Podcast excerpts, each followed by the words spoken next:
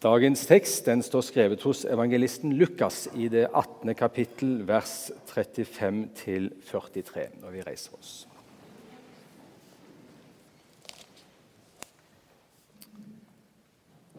Da Jesus nærmet seg Jeriko, satt en blind mann ved veien og tigget. Mannen hørte at det var mye folk på veien, og spurte hva som sto på. De svarte ham, Jesus fra Nasaret kommer forbi. Da ropte han, 'Jesus, du Davids sønn, ha barmhjertighet med meg.' De som gikk foran, snakket strengt til ham og ba ham tie. Men han ropte bare enda høyere, 'Du Davids sønn, ha barmhjertighet med meg.' Jesus stanset og ba om at den blinde skulle føres til ham. Da han kom nærmere, spurte Jesus ham, 'Hva vil du jeg skal gjøre for deg?' Han svarte, 'Herre, la meg få synet igjen.' Jesus sa til ham, 'Bli seende. Din tro har frelst deg.' Straks kunne han se, og han ga seg følge med Jesus og lovet Gud. Og hele folkemengden som så dette, lovpriste Gud. Slik lyder Herrens ord.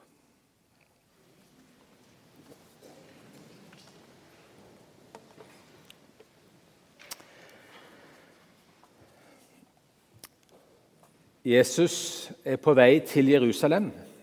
og Like før den teksten vi leste i dag, så kan vi høre om at Jesus for tredje gang forutsier at han kommer til å bli tatt av hedningene og bli tatt livet av, korsfestet nei, Eller at han skal drepes, men han skal stå opp igjen tredje dag. Og Så kan vi lese om at disiplene de skjønner ikke dette. Det står at meningen var skjult for dem. Dette er rammen, og nå er han på vei til Jerusalem. Men før han kommer til Jerusalem, så må han altså gjennom Jeriko. Og På veien dit er det vi hører i dag at han møter denne blinde mannen Bartimeus. Han står ikke omtalt med navnet Bartimeus i historien vi nettopp leste, men denne historien står også hos evangelisten Markus, og der nevnes han med navn. Så vet vi ikke så mye om hvem denne Bartimeus var, annet enn at han var sønn av en som het Timeus, og han var en forkommen, fortvilet mann som satt i veikanten og tigget om almisser. Det er ikke så mye som gjør en mer hjelpeløs enn det å være blind. For Når man er blind, så er man ute av stand til å finne veien, og man ser jo ikke hvor man går. Man ser heller ikke farene langs veien, om det er en grøft man kan falle ut i, eller enda verre, om det er en klippe man kan falle ned fra. Man er også ute av stand til å beskytte seg hvis noen overfaller en og vil ramme en. Og Det er jo en forferdelig situasjon å være i. Denne fortvilte, hjelpeløse situasjonen er det Bartimeus er i.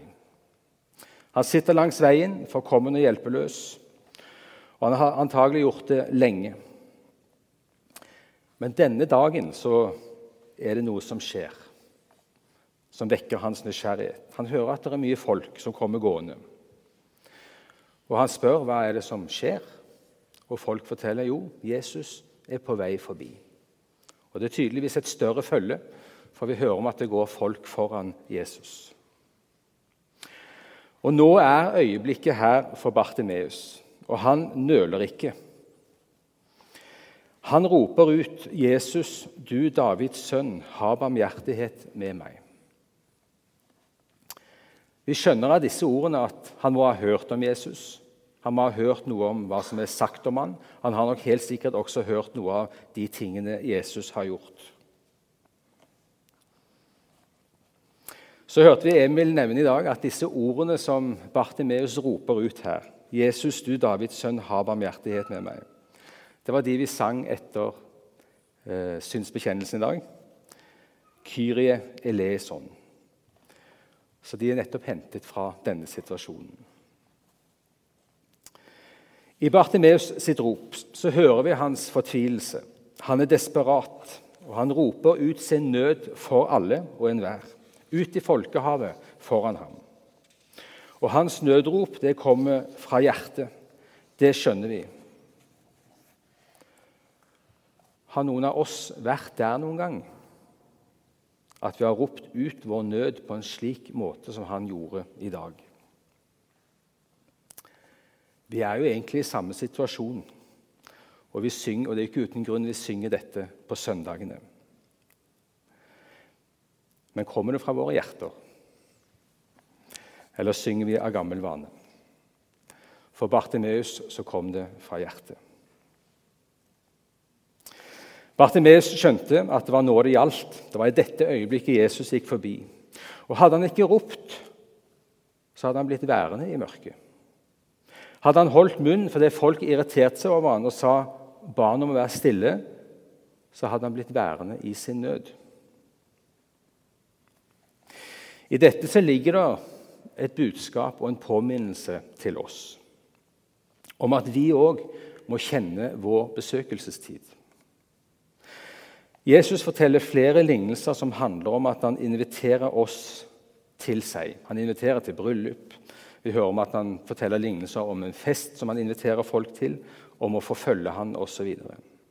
Men så ser vi at samtlige ganger når Jesus gjør dette, så hører vi at folk si, sier det passer ikke akkurat nå. Jeg skal bare. Vi tar det senere. Hadde Bartimeus gjort det, så hadde han ikke blitt fri den dagen.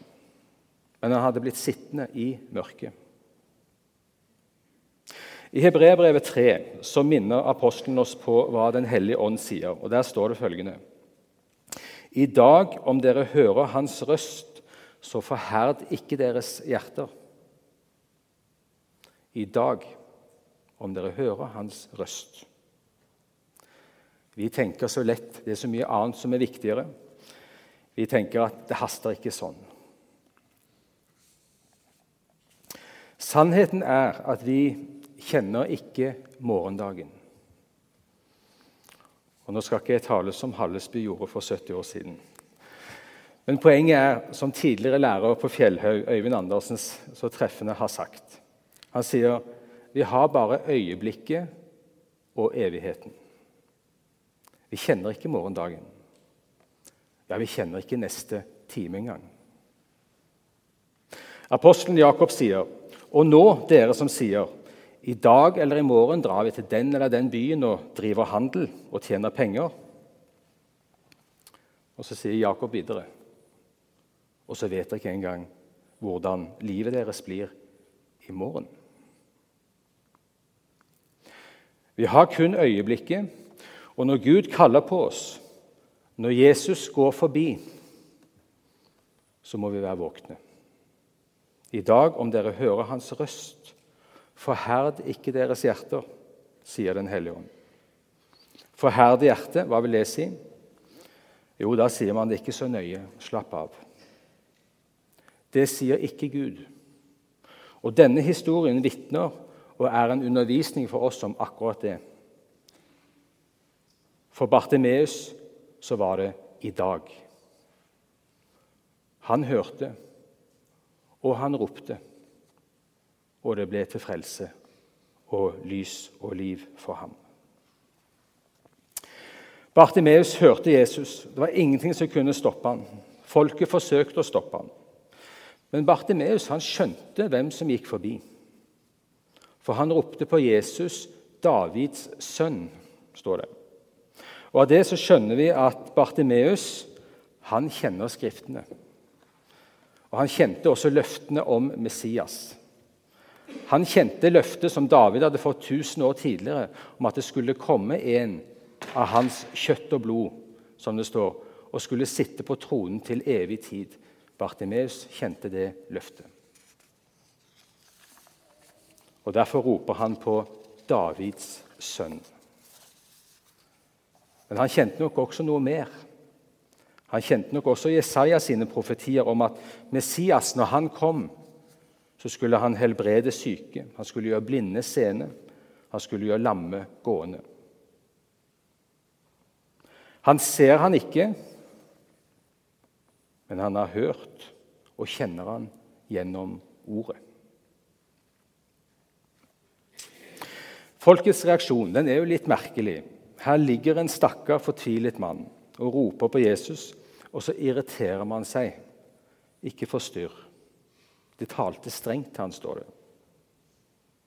Og Vi tenker, eller reagerer vel umiddelbart når vi hører om det. Men sannheten er vel kanskje at vi selv trenger å ransake våre hjerter for ikke å gjøre det samme. Hindrer vi mennesker i å komme til Jesus? Det var litt ubeleilig nå. Det passer ikke så bra akkurat nå. De var opptatt av å følge etter Jesus, men de så ikke sin neste som lå der, og virkelig trengte å komme i kontakt med Jesus.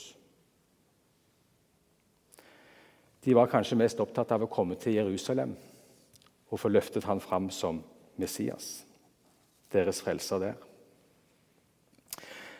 Men Jesus han hører, og han ber dem hente den blinde. Han har tid. Han ser alltid de trengende rundt seg, selv om han var på sin siste reise til Jerusalem. Så hadde han alltid tid til de han møtte på. Hva vil du jeg skal gjøre for deg? Den levende Gud står foran ham og sier, 'Hva vil du jeg skal gjøre for deg?' Jesus rekker fram sin hånd og sin hjelp til han som alle de andre ikke regnet for noe. Han som de ba om tie, ikke forstyrr. Den mest forkomne i folkemengden. Han får hele Jesu oppmerksomhet. Hos profeten Jesaja står det følgende.: Så sier Han som er høy og opphøyd, Han som troner evig. Den hellige er Hans navn. I det høye og hellige bor jeg, og hos den som er knust og nedbøyd i ånden. Jeg vil gi ånden liv hos den som er bøyd ned, gi hjertet liv hos den som er knust. Han bor i det høye, i det hellige, i himmelen, dit vi ikke kan komme. Men han har kommet og bøyd seg ned til oss. Den evige Guds sønn har gått ut av sin himmelske bolig, kledd seg i kjøtt og blod, blitt menneske, gått inn under våre kår for å bli prøvet, fristet og erfare og smake all vår nød, og for å gi sitt liv som offer for våre synder.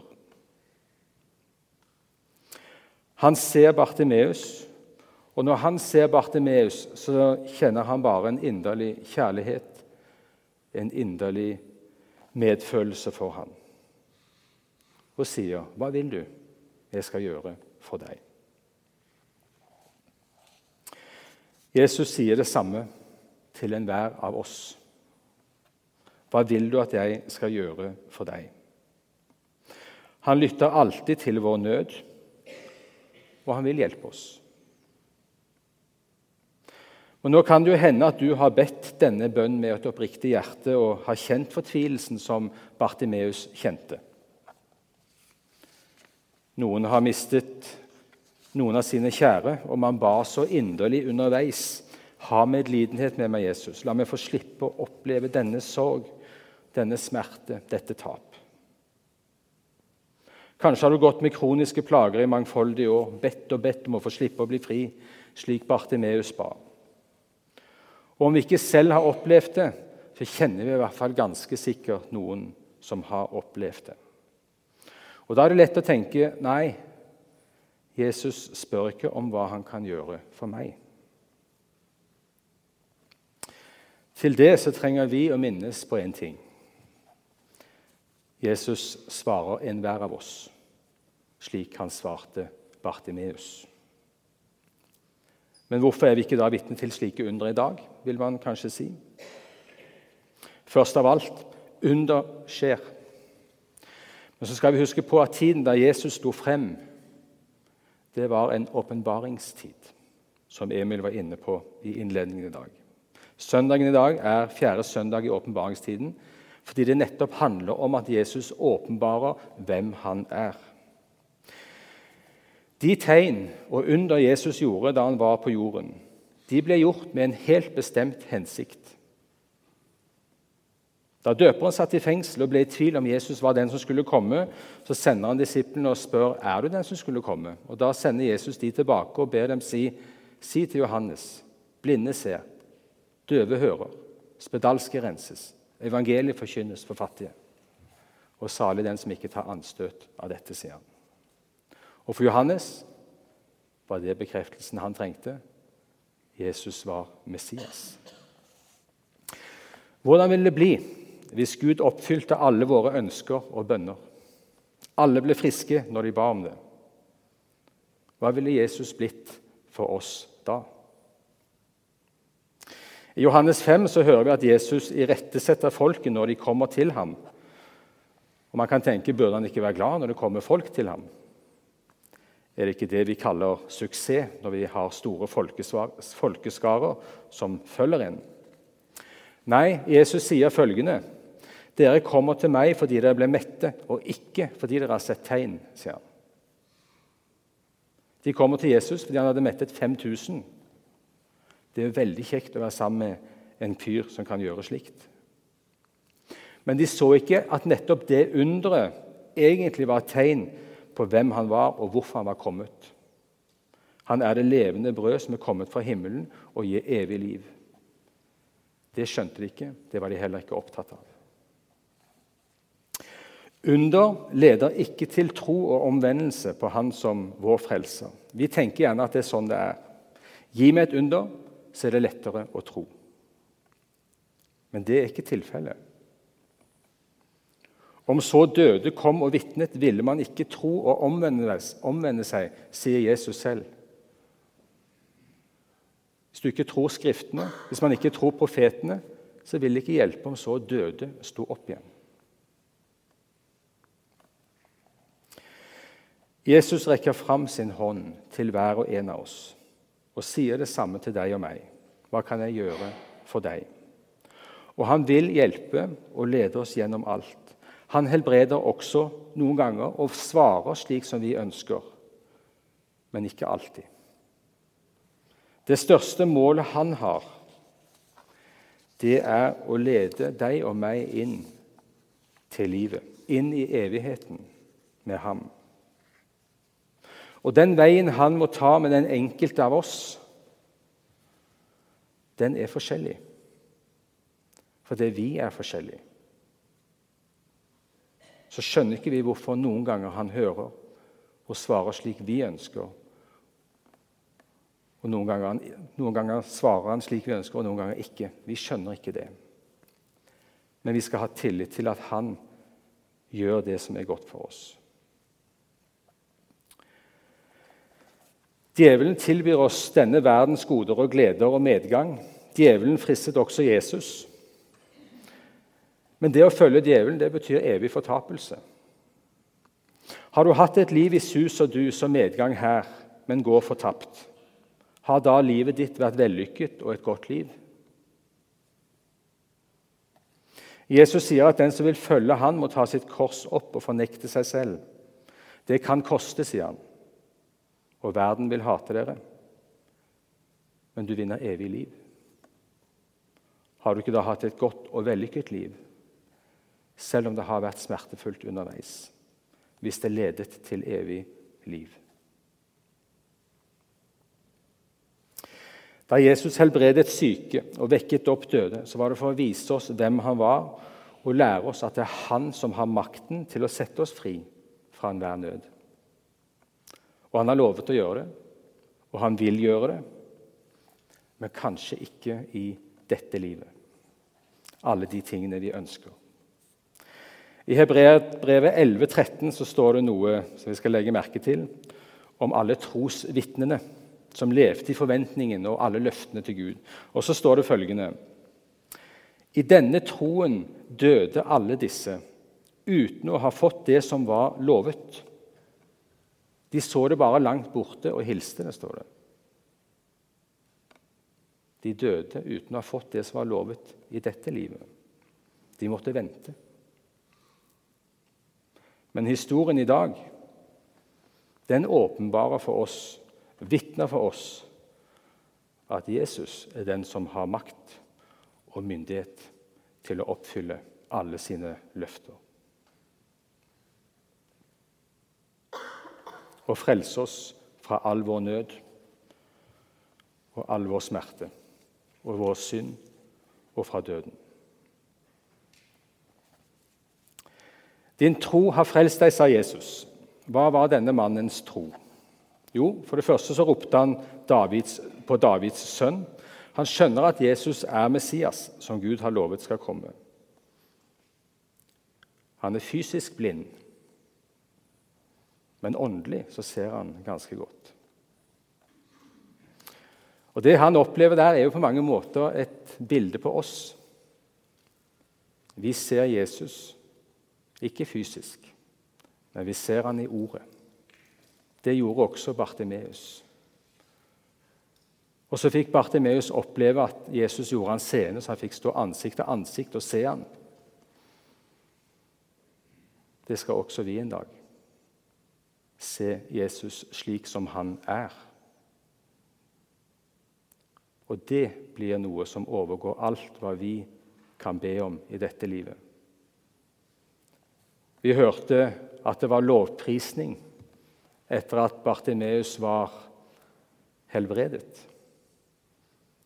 I himmelen står det mye om at vi skal lovprise. Jeg har hørt mange kan vitse litt på skal vi bare stå og lovsynge hele dagen. Jeg kan love dere én ting. Når vi kommer fram og skal se Jesus sånn som han er, så kommer lovprisningen til å komme fra våre hjerter. Og jeg tror ikke vi har lyst til å stoppe engang. Det kommer til å overgå alt. Da skal vi se han sånn som han virkelig er. Vi skal se Gud. I dag kan vi ikke se Gud og leve. Da skal vi se Gud i sin herlighet. Bartimeus så hvem Jesus var. For det andre så ber han om nåde og barmhjertighet. Han har ingenting sjøl. Det er et nødrop fra hjertet hans, som er et knust og nedbøyd hjerte. Han kommer til Jesus uten noe men stoler helt og fullt på den nåde og barmhjertighet han skal få av Jesus. Peter sier i sitt brev.: Sett deres håp fullt og fast til den nåde dere skal få. Vi skal stole på den nåde vi skal få når vi kommer til Jesus. Når vi kommer til Han, så skal vi være trygge på Han tar imot oss. Det gjorde Bartimeus. Han trosset alle menneskene som forsøkte å stoppe ham. Han stolte på at Jesus ville ta imot ham. For det tredje så ber han Jesus om å få synet igjen. 'Herre, la meg få synet', sier han. Han ber ikke om at Jesus skal be til Gud for ham om å få synet. Nei, han ber Jesus om å gi ham synet. Og Hva forteller det oss om hans tro? Hvem, andre enn Gud helbreder? Vi leste fra Salme 146, der det sto 'Herren setter fri den som er bundet'. Herren gir de blinde syn. Denne blinde hadde en sann tro på Jesus. Han så han var Messias. Han kom ydmyk med et sønderknust hjerte. Og han hadde full tillit til at Jesus var i stand til å helbrede ham, fordi han så han var den levende Guds sønn. Historien vitner og åpenbarer for oss hvem Jesus er, hva han er i stand til. Men ikke minst hvordan han gjør sin gjerning også til slutt. Hvordan helbreder Jesus? Han sier 'bli seende'. Samme ord som ved skapelsen 'bli lys'. Ved sitt ord helbreder Jesus Bartimeus på samme måte som det er ved sitt ord han helbreder og gjenføder oss når vi kommer til å tro på ham. Peter sier, for dere er født på ny, ikke av forgjengelig sæd, men av uforgjengelig ved Guds levende ord, som er og blir. Hans ord er det som skaper og nevner det som ikke er til, og bringer frem og føder oss på ny. Nå er Bartimeus seende. Han var blind. Men nå ser han også sin frelser. Nå kan han se han som skal lede ham på den rette vei framover. Han hadde sittet i mørket, og nå fikk han virkelig oppleve å få komme ut i lyset og se sin Herre og sin Frelser. Det er en nydelig historie om en fortvilet mann som sitter i mørket. Men Jesus ser alltid det sønderbrutte hjertet, og det gjør han også når han kommer inn i Jeriko etterpå. Da ser han Sakkeus i folkemengden. Så er det ikke så lett for oss alltid å ta til oss at Jesus ser oss blant alle mennesker. Men han ser hver og en av oss. Han ser og hører hver og en sin bønn, og han tar seg av hver og en av oss, slik som han tok seg av Bartimeus denne dagen. Amen.